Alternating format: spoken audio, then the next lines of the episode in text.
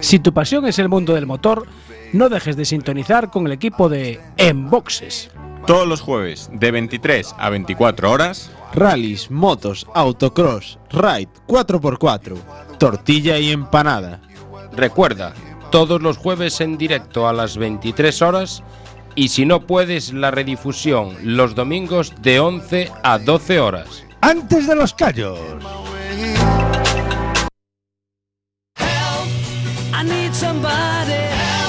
Not just anybody help. You know I need someone help. When I was younger, so much younger than today, I never needed any. Nunha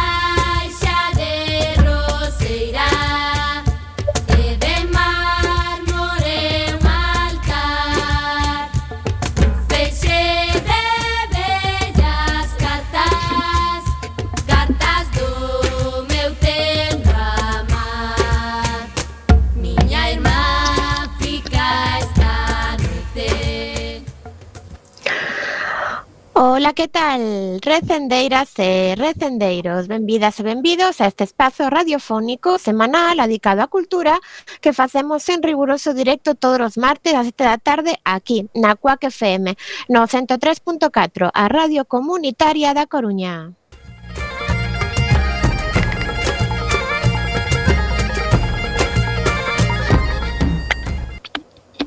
A Agrupación Cultural Alexandre Bóveda presenta este programa que podedes escoitar en directo a través da internet na páxina da emisora coacfm.org barra directo e tamén na aplicación móvil.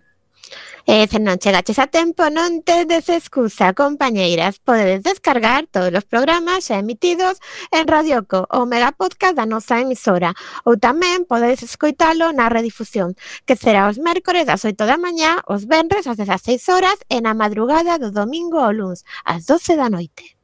E a partir de agora, seguídenos nas redes sociais tanto deste programa recendo como da propia agrupación cultural Alexandre Bóveda, que teñen abertas súas canles en Instagram, Twitter e Facebook ou na web www.acalexandrebóveda.gal.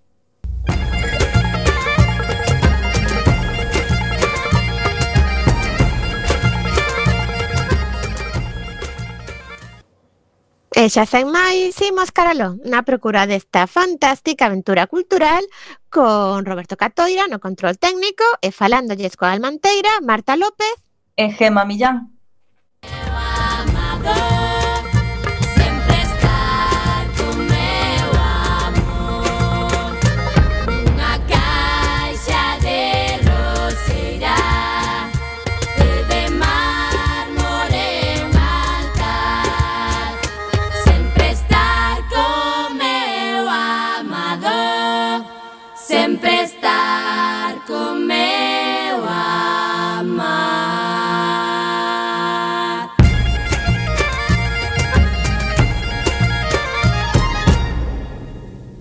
programa número 355. Oxe contaremos como convidado con Kiko Cadaval, actor e director de teatro e un dos mellores contadores de historia do país. Teremos a sección de audiovisual a cargo de María Núñez Veiga e falaremos das actividades da nosa agrupación e das outras cousas que se fan na Coruña e na Galiza e que tamén son cultura. E a música de hoxe, no ano 2011, produciuse na Galiza unha película ben singular titulada Krevinsky, cuxos papéis principais foron protagonizados por Miguel de Lira e Sergio Cearreta. A banda sonora foi interpretada por unha banda creada para a ocasión, chamada Banda Krevinsky, que segue creando nova música e que parece evocar a dos Balcáns. Imos escoitar algunhas cancións daquela película. Presentamos a primeira primeira peza de hoxe titulada Lada Niva, que glosa ao famoso coche todoterreo soviético.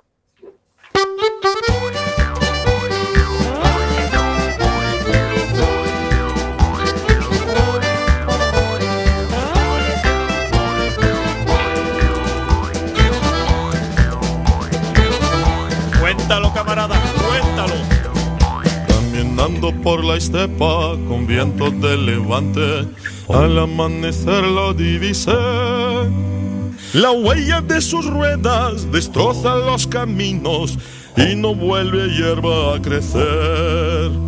La huella de sus ruedas destroza los caminos y no vuelve hierba a crecer. Su imponente silueta contra el cielo del norte y el potente rugido de su motor.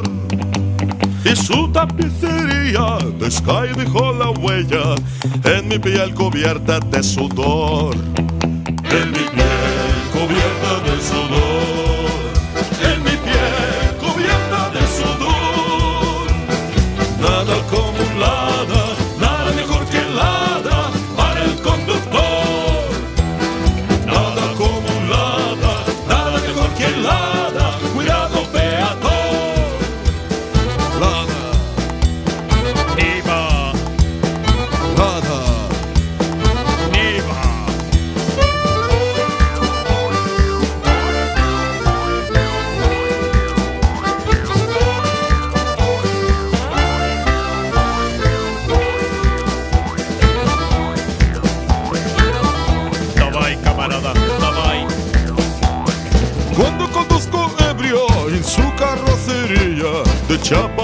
Siempre confié.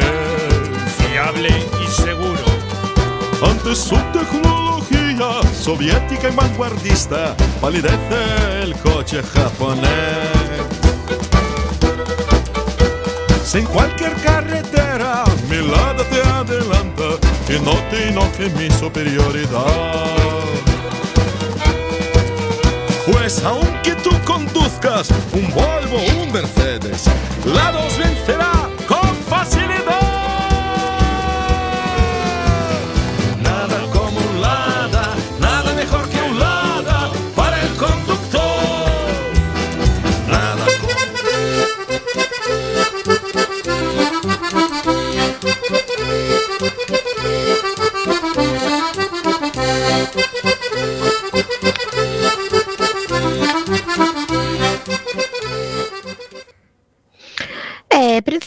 xa informar da Xenda Cultural da nosa agrupación Alexandre Bóveda. O xove 5 teremos a presentación de No interior do abandono, de Valdo Ramos e Carlos Lorenzo, un libro que mestura fotografía e poesía para a reflexión sobre un fenómeno que incide nas nosas raíces. Publica o editorial Furando Recuerdos Edicións perdón, figurando recuerdos edicións na súa colección Maruja. O libro complementase cunha peza audiovisual creada por Carlos Lorenzo con voz de Valdo Ramos e coa música de Moisés Quintas. Para o contido do libro, os autores percorreron aldeas dos concellos de Berea, Celanova e Abola na provincia de Ourense e de Carral na Coruña. Será ás 19.30 horas do noso local social da Rúa Olmos, 16-18, primeiro andar.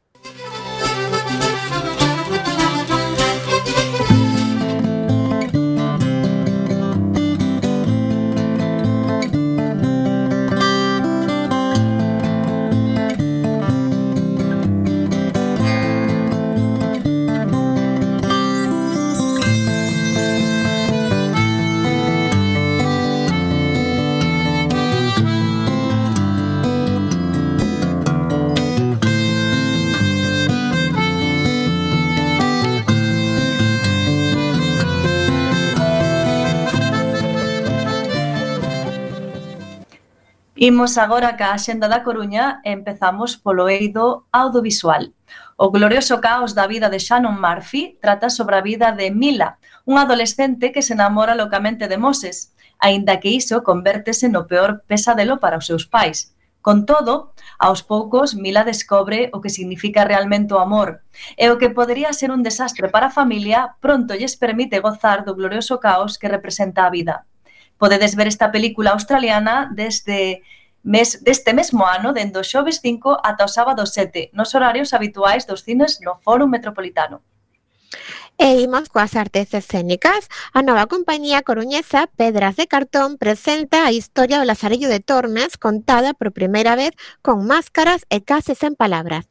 Así, José Manuel Esperante, José Vilarelle e Juan Rodríguez abordan desde o escenario e baixo a dirección de Pablo Sánchez e Laura Sarasola esta coñecida peza da literatura que ademais forma parte do currículo educativo das escolas. Esta montaxe levou a mención especial do do xurado do Festival de Teatro Clásico de Almagro 2020. Poderedes vela este sábado 7 ás 18.30 horas no Fórum Metropolitano. Como resultado da investigación teatral sobre un feito histórico, o do golpe de estado do general Pinochet sobre o goberno de Salvador Allende, nace Shock, o cóndor e o puma, un teatro documental onde se representa a historia, pero para coñecela desde a emoción, con actores como Ernesto Alterio e Ramón Barea, e inspirado nunha obra de Naomi Klein. Será o Benre 6 e sábado 7 ás 20.30 horas no Teatro Rosalía de Castro. Pequenos obxectos teñen a oportunidade de vivir. O efecto da gravidade, o seu material e a súa forma son o seu drama para chegar a respirar e desplazarse. As súas dificultades son tamén as súas únicas oportunidades para desenvolverse. Diso trata a seguinte obra do ciclo Bebesena, titulada Camiños Monicreques e María Parrato. Será o domingo 8 no Ágora con sesións ás 11.30 e ás 13 horas que duran 30 minutos. E rematamos no eido das exposicións. A exposición de Isabel Muñoz, que acompañou o Festival Mar de Mares hai máis dun mes, titulada O Mar, e que pode verse na Mariña, aínda será clausurada o 15 de novembro.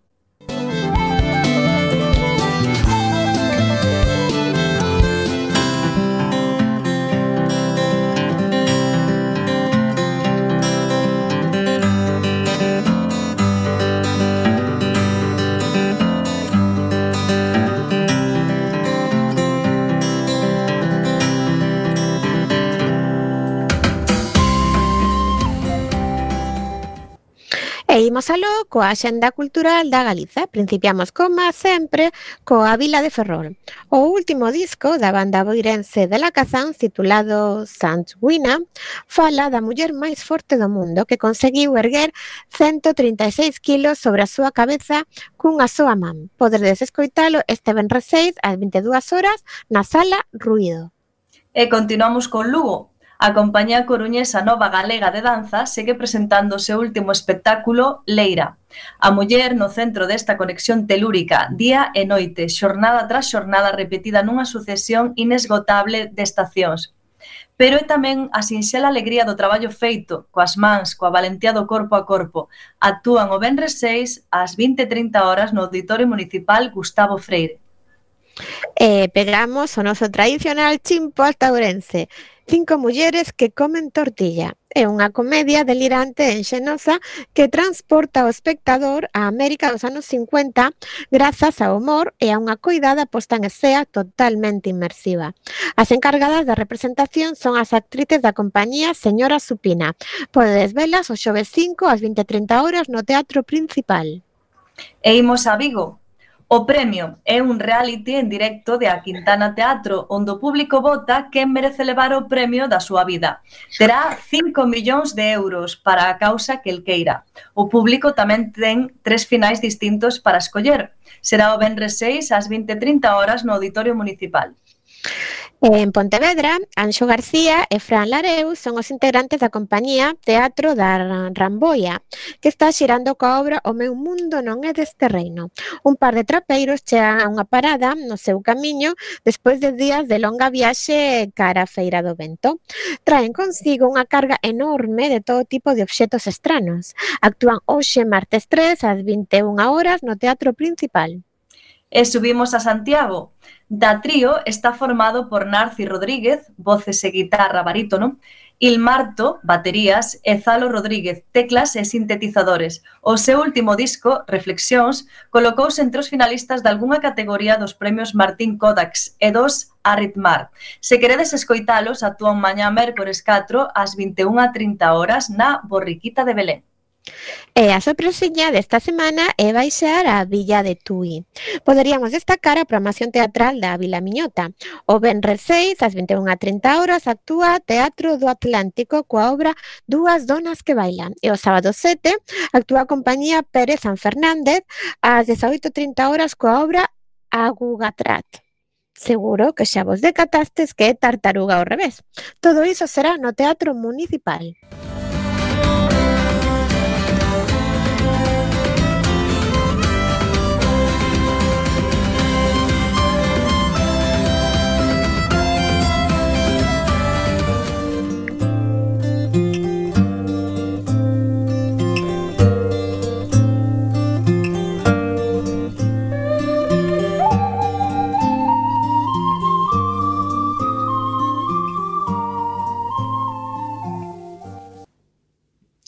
Quen no seu corazón non leva un arpa que saiba das cancións escoitadas no berce entre os arrolos e na reixa do amor?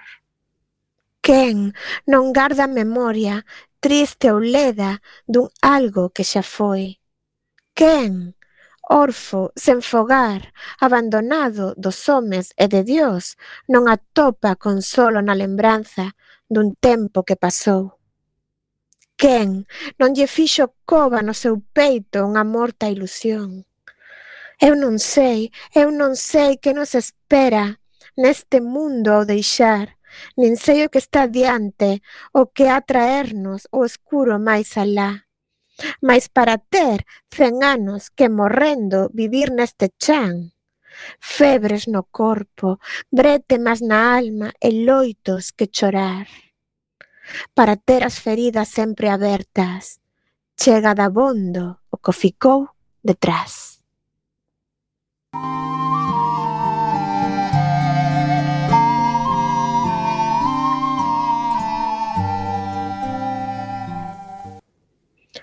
Acabades de escoitar un poema de Ramón Cabanillas extraído do seu poemario titulado No Desterro, publicado no ano 1913.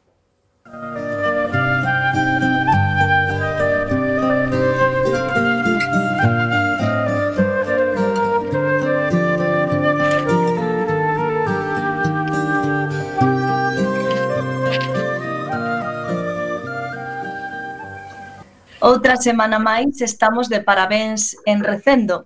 Gracias ao traballo dos nosos compañeiros, hoxe podemos gozar da compañía de Kiko Cadaval.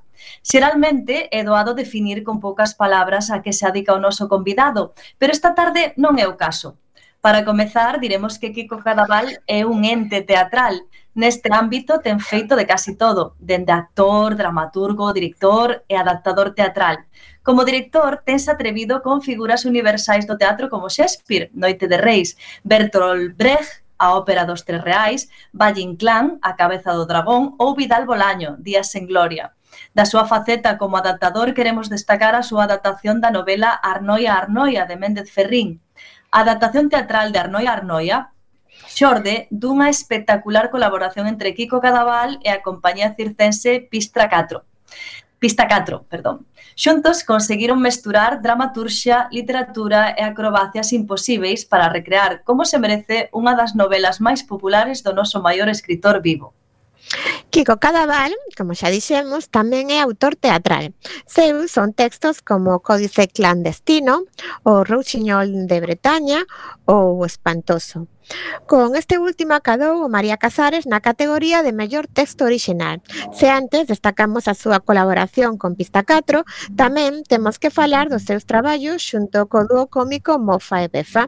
Froito desta xuntanza quedaron para o recordo románticos e Shakespeare para ignorantes. Por esta última gañaron un premio Max. O Centro Dramático Galego é outra das compañías coas que traballou Kiko Cadaval, xa fose como actor nos seus comenzos, así como director da Cabeza do Dragón, mas o noso convidado leva dende os anos 90 prodigándose cos seus espectáculos unipersoais unha caste de velada na que se mestura poesía, cabaret, épica escénica e narración tradicional, porque quizáis, ao mellor, dende o comenzo, tiñamos que presentar presentar ao noso convidado como a un contador de historias. Moi boa tarde, Kiko. Hola, boa tarde, como estades? Pois, bueno, cada unha nosa casiña, pero moi ben. Como estás ti? Eu nunha garaxe rodeada de trastos teatrais e baús de focos e máis escenografías. No meu bueno, medio, vamos. Fantástico. En primer lugar, gracias por aceptarnos esta entrevista en Recendo Coac FM e imos comenzar mm, polo principio, pois queríamos unha, unha definición, porque nós a facer a presentación non sabíamos moi ben como, como definirte, como presentarte, como te definirías ti como artista, Kiko? A verdade é que houve algún exaxero en todo iso que dixestes, pero ao final de, de meterte moitas revoltas, remataches moi ben e dixeches que son un contador de historias. E, ao final, o que es ti normalmente acostuman a decirche aos outros. Veñen os outros e dinche, ti o que es é isto. E entón xa hai moitos anos que a mí leva me dicindo que son un contador de historias. Tentei nas contar tamén desde o teatro, desde a dramaturgia, escribir pezas teatrais ou simplemente dirixilas, como estamos agora en xira con Medida por Medida de Shakespeare, que pois é unha obra que contamos co chaval este inglés, William, para escribila eu só a dirixín, pero non deixa de ser contar unha historia. E eh, segundo ti, que tes moita experiencia nesto, podense desligar a figura do contador de historias ca de actor ou ca do dramaturgo? A verdade é que, que co de dramaturgo é, é mm, un mundo moi parecido, non? O dramaturgo intenta contar unha historia con, con instrumentos escénicos. Eh, e o contador de historias en vivo, que é o que fago eu en escena, eh, pois tamén. Agora, algo de relación co actor tamén hai, pero unha vez Evaristo Calvo, meu compañeiro, membro de MOFEB, Factor Coruñés, eh, diferenciouno moi ben, non? O actor eh, fai en escena o que debe facer segundo os ensaios, o personaxe, eh, a dirección do espectáculo, e o contador de historias fai o que lle dá a gana. Con tal de non estar calado, claro. E ti como te sentes máis cómodo no escenario? Eso ou acompañado de outros actores?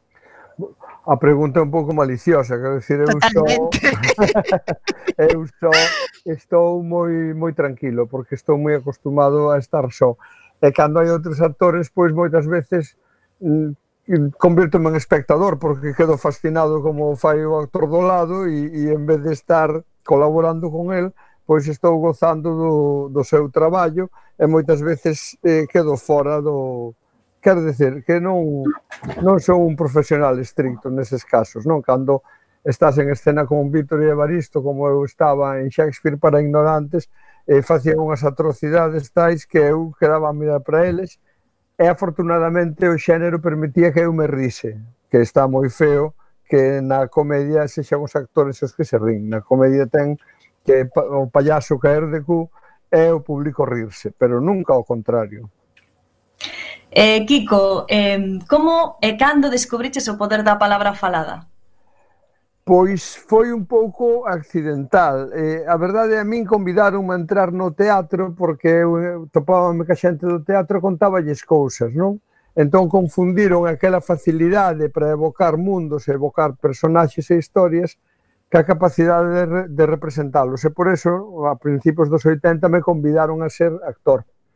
Eh, despois xa me foron empurrando un pouco, non ti tes gafas, e eh, tal listo como eso, mas quedabas mellor de director que de actor, tal foron me botando fora do escenario, e, e só regresei nos anos 90, cando me din conta que aquilo que eu facía era unha forma do espectáculo. Eu, si queredes, evoco a primeira vez que vin a un tipo en escena e dixen coño, ese, ese tipo está facendo o que fago eu despois das comidas ou cando vou por aí de, de garimbas polos bares cos amigos. Está contando unha historia que foi Alejandro Tosati na sala NASA, penso que era o ano 93, e eu levaba contando historias desde pequeno, de feito, eu contaba a película dos domingos aos amigos que non tiñan diñeiro para ir ao cine, ou ao sair ou luns no recreo, pois contaba contaba as películas e había unha vez que me sentía moi responsable iba a ver a película dúas veces para memorizar ben os detalles e poderlos contar ben. Pero foi nos anos 90, a principios dos 90, cando vin a Alejandro Tosati, que basicamente non se maquillaba e non se vestía de nada, viña ca súa roupa, unha roupa que escolles, pero é, é a túa roupa, tú non és unha personaxe, pero por ti pasan todas as personaxes, porque estás sendo un contador de historias. Eh, Kiko, en que consiste, según ti, a capacidade creadora da narración? Pois eu creo, non sei moi ben o que é a, a capacidade creadora de nada, pero sí a capacidade evocadora da narración. Hai, hai un momento en que, en que ti contasme unha cousa a min e eu vexoa. E se cadra, vas polo medio do conto, é unha muller e disme que é gordiña, E eu dixen, ai, eu vi unha delgada, entón eu, escoitando a túa historia, teño que adaptarme á túa visión. Eu pensei que estaba bebendo unha cervexa, pero ti vas me decir que estaba bebendo un daiquiri. Eu teño que adaptarme, entón, o, a imaginación de quen escoita a historia vai detrás da fábrica de imaxes que é a persoa que conta. Entón, eu creo que a capacidade de crear imaxes non ofrecendo ningunha, que é o que, o que, famo, o que facemos os narradores, creo que é un fabuloso, se cadra unha capacidade creativa. Non sei se me expliquei ben. Sí, sí, perfectamente. eh, que o que non lle pode faltar a unha historia para que consiga atrapar ao espectador?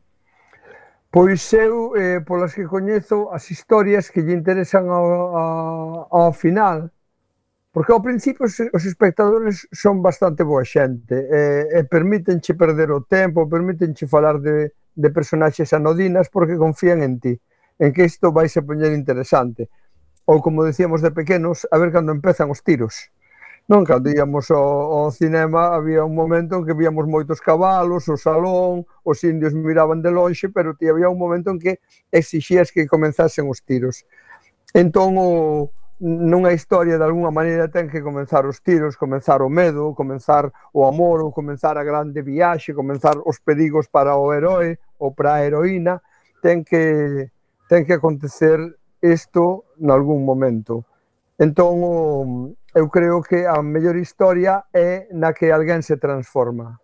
Quer decir, unha personaxe comeza dunha maneira e cando acaba a historia é doutra maneira, porque desa maneira, deste modo, a xente que escoita tamén se transforma por acompañar a personaxe.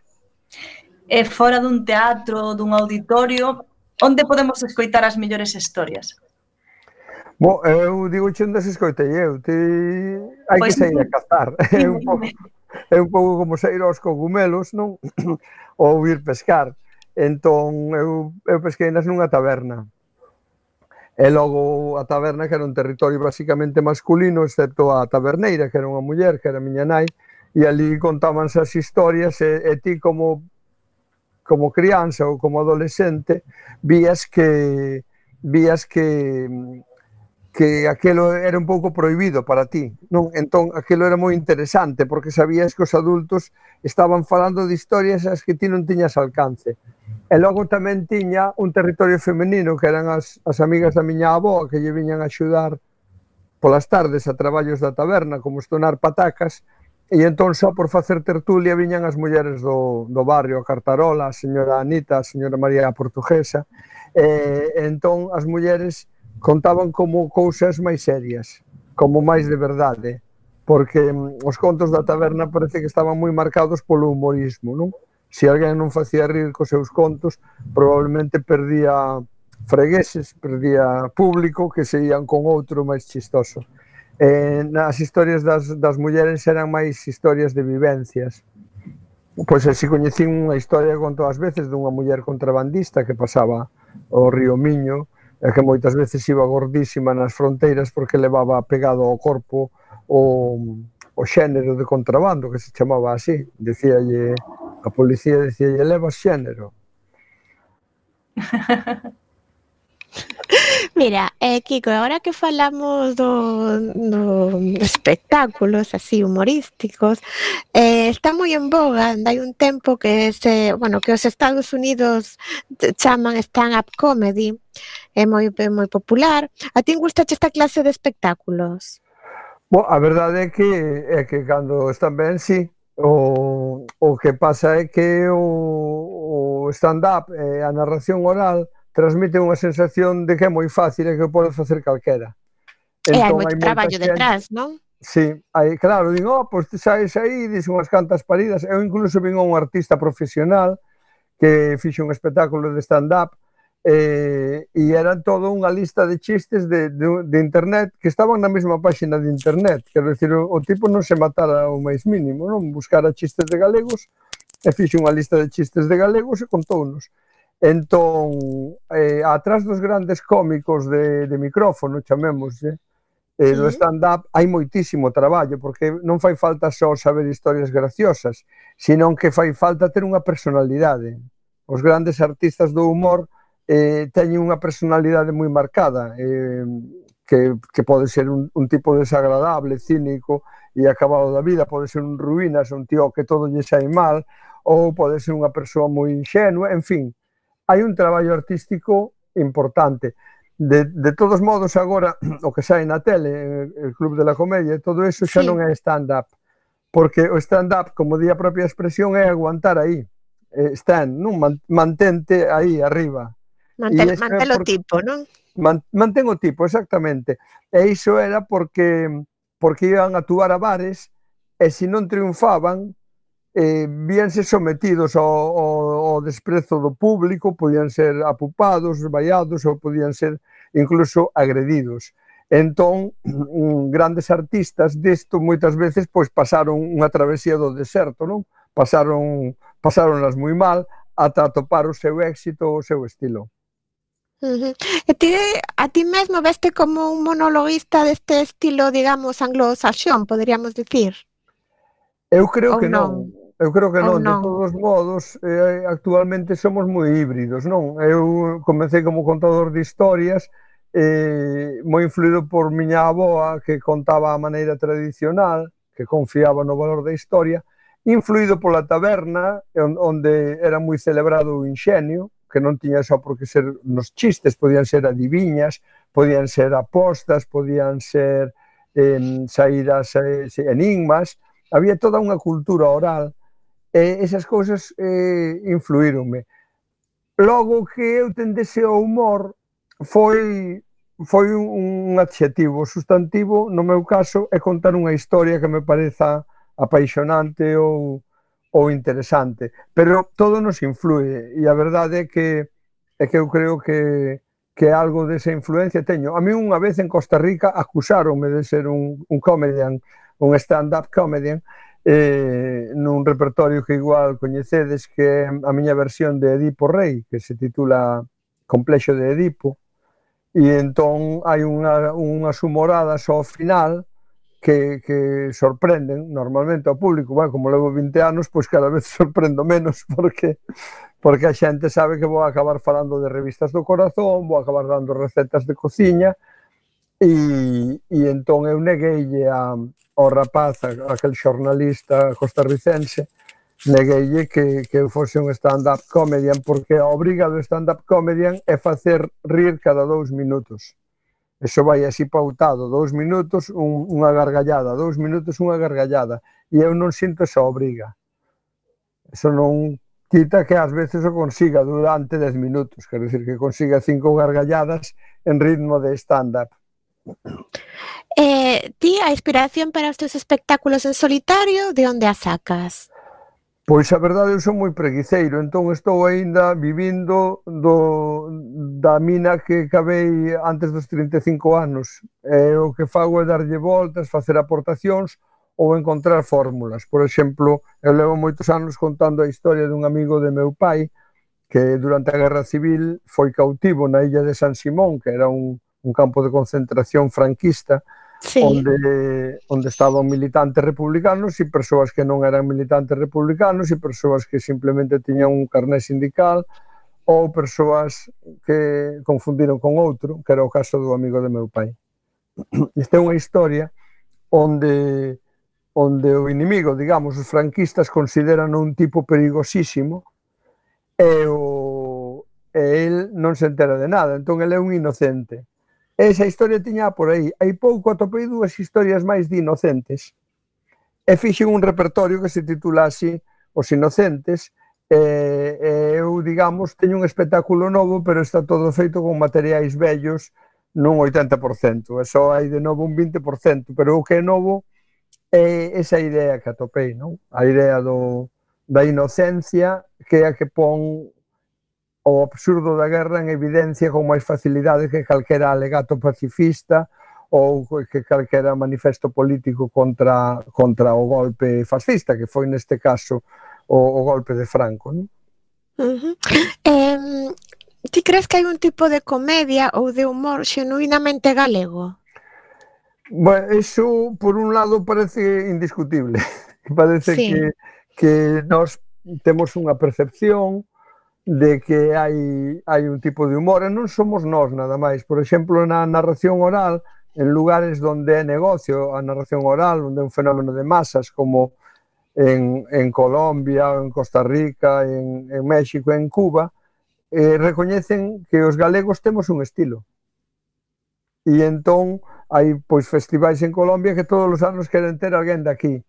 xa fomos Cándido Pazó e Paula Carballeira eh, e, e Maiseu e eles notan unha certa afinidade. E eu creo que o que temos en común é que partimos partimos da felicidade de contar historias e partimos de unhas historias que son interclasistas en parte que valen para para todo tipo de xente, que non hai que ter un nivel intelectual particular ou non hai que saber unha xiria de mariñeiros dunha punta perdida, senón que, que o pode entender todo o mundo. E, e despois hai un humor que se basa na ironía. A ironía como unha maneira de evitar a violencia. Este bueno, día... se retranca, non? Sí, a retranca, sabes que pasa? Cando digo, de, por un lado temos unha sensación de que somos moi singulares, pero cando agora acabas de dicir retranca, e a mí xa me falaron de retranca un rusos, unha polaca que sí. está galegada, que é Paulina Xeremollinska, eh, eh, unha italiana do norte, entón contanche cousas e eh, eh, tómano como retranca. De todos modos, eu creo que nós témolo moi desenvolvido, que o humor sempre se lle deu moito valor, así como noutros países o humor considerábase unha cousa pois popular, sin validez artística, en Galicia sempre se lle deu moito valor. E poño o exemplo de Castelao, no gráfico, que agora ten un continuador extraordinario, non? En Luis Dávila, que de alguna maneira conecta, porque os dous teñen en común que poñen a falar a xente popular. Uh -huh. E, e así temos uns puntos de vista diferentes, que é o que provoca o humor. Sí, sí, que interesante conversa. Imos facer unha pausiña musical e imos escoitar a banda Krivinsky coa canción Jet Lag.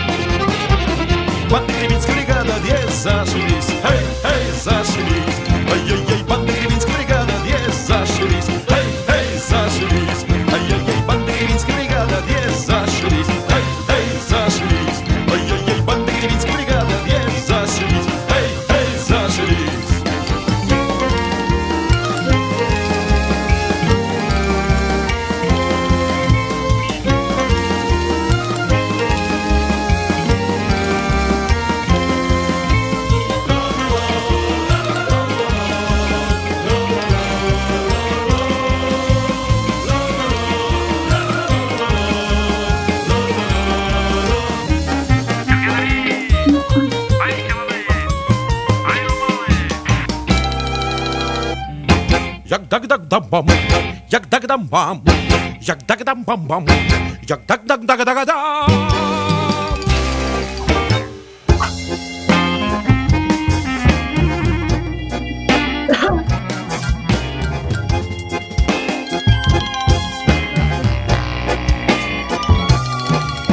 зашибись, все-таки зашибись.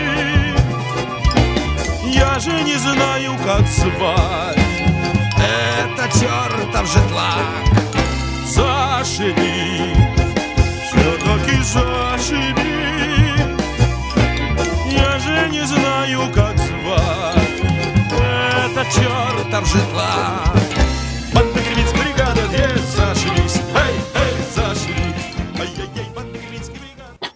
Despois desta pequena pausa musical retomamos a nosa conversa con Kiko Cadaval, esta interesantísima conversa. Hai tempo que non te vemos nin no cine, nin na televisión. É un medio no que xa non te apetece traballar? Eh, encántame a redacción da pregunta, a verdade é que que será que non me contratan, non? Mais, máis ben. Bueno, a verdade é que... Bueno, verdade é que... Creerlo, eh? Eh? que me creer que non te queran contratar. Moi ben, en canto, en canto me ofrezan un contrato cinematográfico, a primeira entrevista vou a dar a Quack FM, porque estades aquí como facendo forza para que sexa así. Mira que isto queda que... grabado, eh, Kiko? Isto queda grabado. Está, sí, no, é un compromiso, non? Eu asumo perfecto, completamente. A verdade é que mm, que eu, eu traballei moi pouco no cinema, pareceme un medio moi moi interesante, creo que é unha maneira de actuar completamente distinta. Actores e actrices amigos que que teñen traballado moito neses medios, eh, lembrome agora a Ricardo de Barreiros, a María Pujalte ou a ou a Luis Tosar que que teñen recoñecen que é casi un oficio diferente. Realmente é o mesmo, é un oficio de de actor, pero a a maneira de traballar no cinema é explosiva, digamos, son os 100 metros lisos. E no teatro é a maratón. E no, no cinema tens que dar un resultado diante dun equipo de, de 30 persoas e unha equipa técnica, unhas cámaras, uns aparellos, que está correndo o contador dos cartos sin parar. Non hai unha... Eu creo que a grande arte dos actores e das actrices vos de cine é esquecer que cada minuto costa moitísimo diñeiro, é concentrarse no personaxe. Eh, quen o consiga facer é así. Eh, hai, hai persoas, en cambio, que consideran que o teatro, ca súa repetición, cos seus longuísimos ensaios, eh, e ca necesidade de, de facelo sempre ben cada noite, de estar en perfecto estado e non logralo nunca, pois que isto é un, un coste emocional e un coste psíquico moito maior que o do cine. E outras persoas que o pensamos ao contrario. Eu, a verdade é que sempre que fixen cinema non, non deixei de pensar en todo o diñeiro que estaban gastando. Se eu fallaba unha palabra e había que repetir, eu só pensaba en todo. E, e ademais, cando fixen Matías Juez de Línea, que por certo os directores de, dese filme, la cuadrilla queríanme moito, decían que, que tiña moito futuro, agora o meu futuro xa pasou e foi este. Eh, ali perdinlles unha Motorola, eu, eh? non só lles custei diñeiro, senón que, que comunicábamos con unha especie de walkie-talkies e tiñan uns dos vos, que era a marca Motorola, e deron a min en, en plena tormenta nocturna que eu me ao mar. Vaya, Entón, para ti, este é o peor de traballar no cine ou na televisión? Isto que nos estás contando?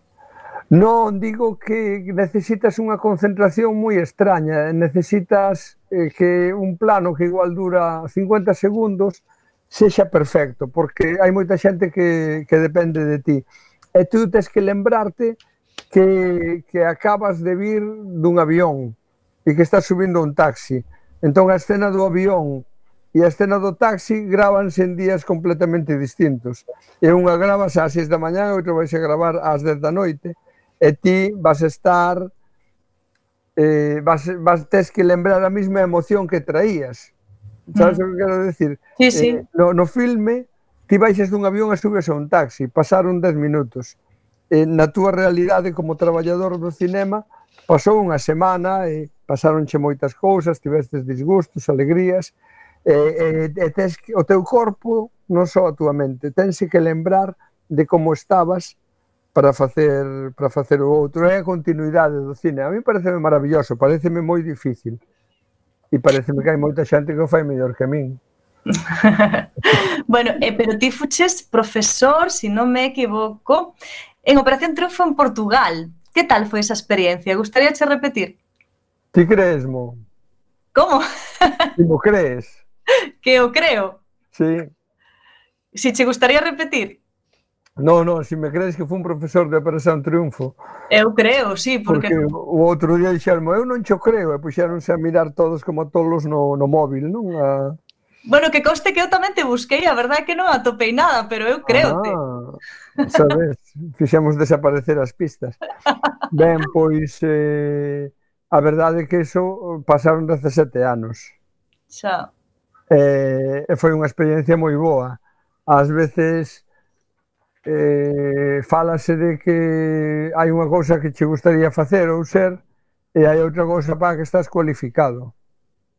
Entón eu quería ser un actor de teatro de, de primeira división, como, que sei eu, Carlos Espósito ou eh, Evaristo, e, e para, por visto para o que servía eu era para ser profesor show de un talent show como como Operación Triunfo, porque aquelo foi moi ben. Eu pasaba o ben, os alumnos pasaban o ben, o resultado televisivo era bo, e os adolescentes pedían autógrafos. Anda. E eu xa sabía que a mí me pagaban aquel pastón non polo meu traballo, sino por asinar autógrafos. Ah, hai moitos artistas famosos que se enfadan porque lles van a dar a lata e digo, eh, por que pensas que cobras tanto? Por, polas horas extras estas. Si, sí, foi, foi unha experiencia maravillosa, a verdade. Sinto, sinto moito ter que dicilo, pero foi así. Repetirías? Ah, claro. Bueno, pois pues aí queda. Xa, xa estou noutra idade, tiña que facer un pouco como eses mestres de, de películas de karate, non? Como o de Karate Kid. Sí. E entón ser así moi sereno e dicirlles fantasmadas a, bueno, Kiko, xa, xa, xa que ti nos falas de películas, nós imos aproveitar eh, neste intre facer outra pausiña na túa conversa para introducir unha das nosas seccións habituais que é a sección de audiovisual galego con nosa querida María Núñez Veiga que, bueno, xa está na, na antena e antes imos gozar coa súa sintonía.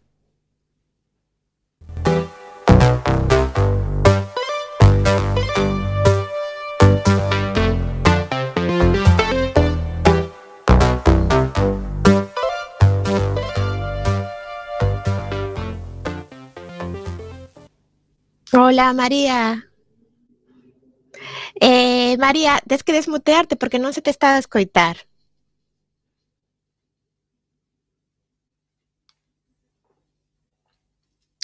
Non te escoitamos, María.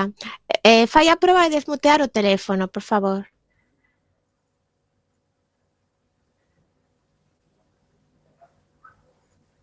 María, Hola. hola. Non se está a escoitar? Dinos algo, a ver se si te escoitamos agora. No, non toímos. Algún problemiña técnico que temos por aí? A ver se si o noso técnico de sonido maravilloso o, o soluciona. Bueno, mentras imos aproveitar que a que si se nos esco escoitámolo é a noso ben querido Kiko Cadaval, entonces imos aproveitar e retomamos a nosa conversa con Kiko. Imos a ver, a ver. Queremos saber, Kiko, como xorde a colaboración con Pista 4 para adaptar o teatro Arnoia Arnoia, por favor. Pois eh, eh Arnoia Arnoia é un día que estás descontraído, non sei se foi nos premios de teatro ou to tomando algo, eh, eh, estábamos eh, estaba cos membros de Pista 4 e dixinho que tiñades que facer vos era un espectáculo de teatro-circo e eh, inspirado na obra de Ferrín, porque é unha historia de crecemento adolescente e, e todas esas cousas, e esquencémolo, son esas cousas que se di bebendo unhas birras. E un día chamaronme, eh, chamoume Xosé Espósito, o produtor de Pista 4, e díxome, Chegou a túa oportunidade, rapaz, e dixen, que oportunidade? Vas facer un espectáculo de teatro circo inspirado na novela de Méndez Ferrín. Moi ben, Kiko, de a noso eh, técnico Roberto Sí, sí, sí, sí, a ti estamos escoitándote perfectamente. O noso técnico Roberto nos indica que por fin eh, recu recuperamos o sonido con María, entonces se nos permite se nos falar agora con María un anaquiño, vale? Estou ansioso por escoitala. Moi ben. Bueno, pois pues María, moi boa tarde outra vez. Ui, creo que tampouco escoitamos a María ahora. A ver, Ma María, antes te escoitamos perfectamente. Desmuteate, María. Perdón, agora sí, non? Ahora perfecto. sí, perfecto. Moi boa tarde, Hola. María. Hola. Se, se... Como estaba a falar que Cadaval, muteime e eh, eh, olvidosome agora desmutearme. Estamos a non? Non, non, hai, non hai mm. tempo que perder. Que nos contas, María? Pois nada, veño a falar do último, da, da última estrea importante que está a suceder agora, que é a de Lúa Vermella, que é a película de Lois Patiño, que estreouse o pasado 30 de outubro, coincidindo case coa festividade de puntos, unha festividade coa que ten moito que ver, e nada, é unha película que tivo a súa estrela mundial na sección Fórum da última edición da Bernila, Ber, Bernil, Ber, Linale, e eh, que desde entón non parou de rodar polos prestixiosos festivais do mundo e recabar moitos premios. De feito, eh, aquí en España, eh, no Festival de Cine de Málaga, eh, tivo levou o premio a mellor película española na sección Zona Cine. Eh, a película eh, toma como punto de partida para falar sobre a temática do, do duelo e sobre a perda, a historia do Rubio, un mergullador de Camelle, na Costa da Morte, que foi quen de recuperar máis de 40 cadáveres, non? E a partir de aí eh, vai entrelazando unha historia que se vai contando a través de imaxes eh, que ten como referencia co tema do duelo a fantasma, pero a fantasma clásica coa sábana, non? Entón, eh, é unha película moi visual, na que realmente eh, parece un álbum familiar de fotos porque vai contando todo a través de imaxes fixas nas que, eh, digamos, o que máis destaca é, son as paisaxes, unha, unha natureza galega espectacular, a verdade que, é que é impresionante as localizacións desta película, e tamén eh, onde fala moito do paso do tempo, falase da perda, porque claro, as persoas que aparecen nas, nas imaxes están quedas, e, eh, e, eh, e o resto da, o resto móvese, non? eh, indicando pois un pouco a perda, a perda, o duelo o, o como para para algunhas persoas ou digamos, digamos para os defuntos eh, queda o recordo, eh, eles quedan aí inmóviles mentre o tempo transcurre, non? A verdade e que sorprendeume moito a película, recomendo a moitísimo ir a ver o cine, é unha oportunidade magnífica, eh, está rodada toda en penumbra, entre lusco e fusco, eu penso que, que dalle ese aspecto lúgubre que busca, fala moitísimo do que, do que é o mar e todo o que, o que hai en torno ao mar, que, que vendría a falar pois, o, o dos pescadores, do que sería pois, as, as supersticións, as lendas galegas, a temática das bruxas, dos, dos embruxos para, para achegar a falar cos mortos, para recuperar os cadáveres, todo todo todo o que é a superstición que hai co, co tema de se non recuperas se non recuperas o cadáver, da, do, da persoa que, que morreu, pois como é como, como se non se o círculo nunca se, pe, se pechara, eh, pois fala un pouco de todas esas cousas eh, e a verdade é que o fai dunha maneira moi eh, casi como obra de arte, non? Ten máis que ver, penso, co cinema experimental que co cinema fílmico normal, non? Coa ficción. Eh, por iso eh, recomendo a moito eh, e nada, ide, bulide a vela. Vale, María, bulir, temos que bulirnos que o tempo xa sabes que se nos está a botar en riba. Eh, podemos rematar aquí? Parece che ben? Sí, sí, sí. sí. Pois moitísimas gracias por a túa colaboración. Moitos bicos. Nada. Eh, retomamos ahora sí a conversa eh, interrumpida con Kiko, ainda que, bueno, prácticamente nos queda só unha última preguntiña. Entón, pensamos, Kiko, que sería ben que aproveitases para falar un pouco dos teus plans do, de futuro profesional ou de algo que nos queiras contar, claro. Bueno, o primeiro é que acaba de interesarme moitísimo que contou María da, da Lúa Vermella, eh, todas esas materias son, son obxectos do meu interese, ainda que non, non teña contado precisamente historias dese tipo. Eh, últimamente frecuento moito un pintor que se chama Iaso, que debe ser o oitavo primo meu, eu son Cadaval Iaso, e é un señor que se formou nos Estados Unidos e que as experiencias de afogados da súa infancia en Ajiño pois seguido marcando a, a súa obra. Eh, non é un plan de futuro, pero a semana pasada, que prácticamente é o futuro, fixe unha performance con el no, no Teatro Elma da Pobra, na que eu falaba dunha obra de Valle Inclán, de Divinas Palabras, que é moi ancestral e, e tamén resonan moitas cousas das crenzas populares nesa obra, e el mentras iba pintando pola suxestión que lle provocaba o que eu contaba, e o mundo de Valle Inclán ia saindo da súa man, pois, o, os seus, as súas figuras atormentadas de, de bruxas, exorcistas e, e afogados. E eu teño teño un proxecto con a miña compañía que chamase Estrela do Día e que está inspirado nas cantigas de Santa María, pero non tanto na música, nin nos milagres, sino nas historias que hai detrás deses milagros, non? As, as aventuras e as necesidades e as ansiedades daquel público medieval que necesitaba a axuda divina.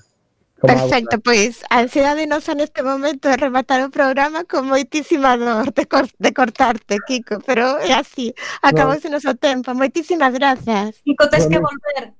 Moi ben, sí, pero estes camiños cibernéticos son difíciles para min, pero bueno, Para si todos. Podemos, si podemos volver da morte, tamén podemos andar por internet. Pois pues moitísimas grazas, un bico forte, Kiko. Bicos, bicos a todas. Bico. Unha caixa de roseira. E sen tempo para máis odiseas, imos chegando a fin do camiño deste recendo. Despedimos o programa de hoxe, agradecendo os nosos convidados que, como sempre, son de honra. Hoxe tivemos o placer de falar con Kiko Cadaval e con María Núñez Veiga. Eh, e agradecendo a semente e pedra angular de todo o noso comando e equipo de producción formado por Javier Pereira, Gemma Millán e Roberto Catoira. E aquí estivemos Roberto Catoira nos controis e co alento no micrófono Marta López e Gemma Millán. Me deixaron seguir. Acompañándote neste recendo de palabras e de imaxes radiofónicas que nos trae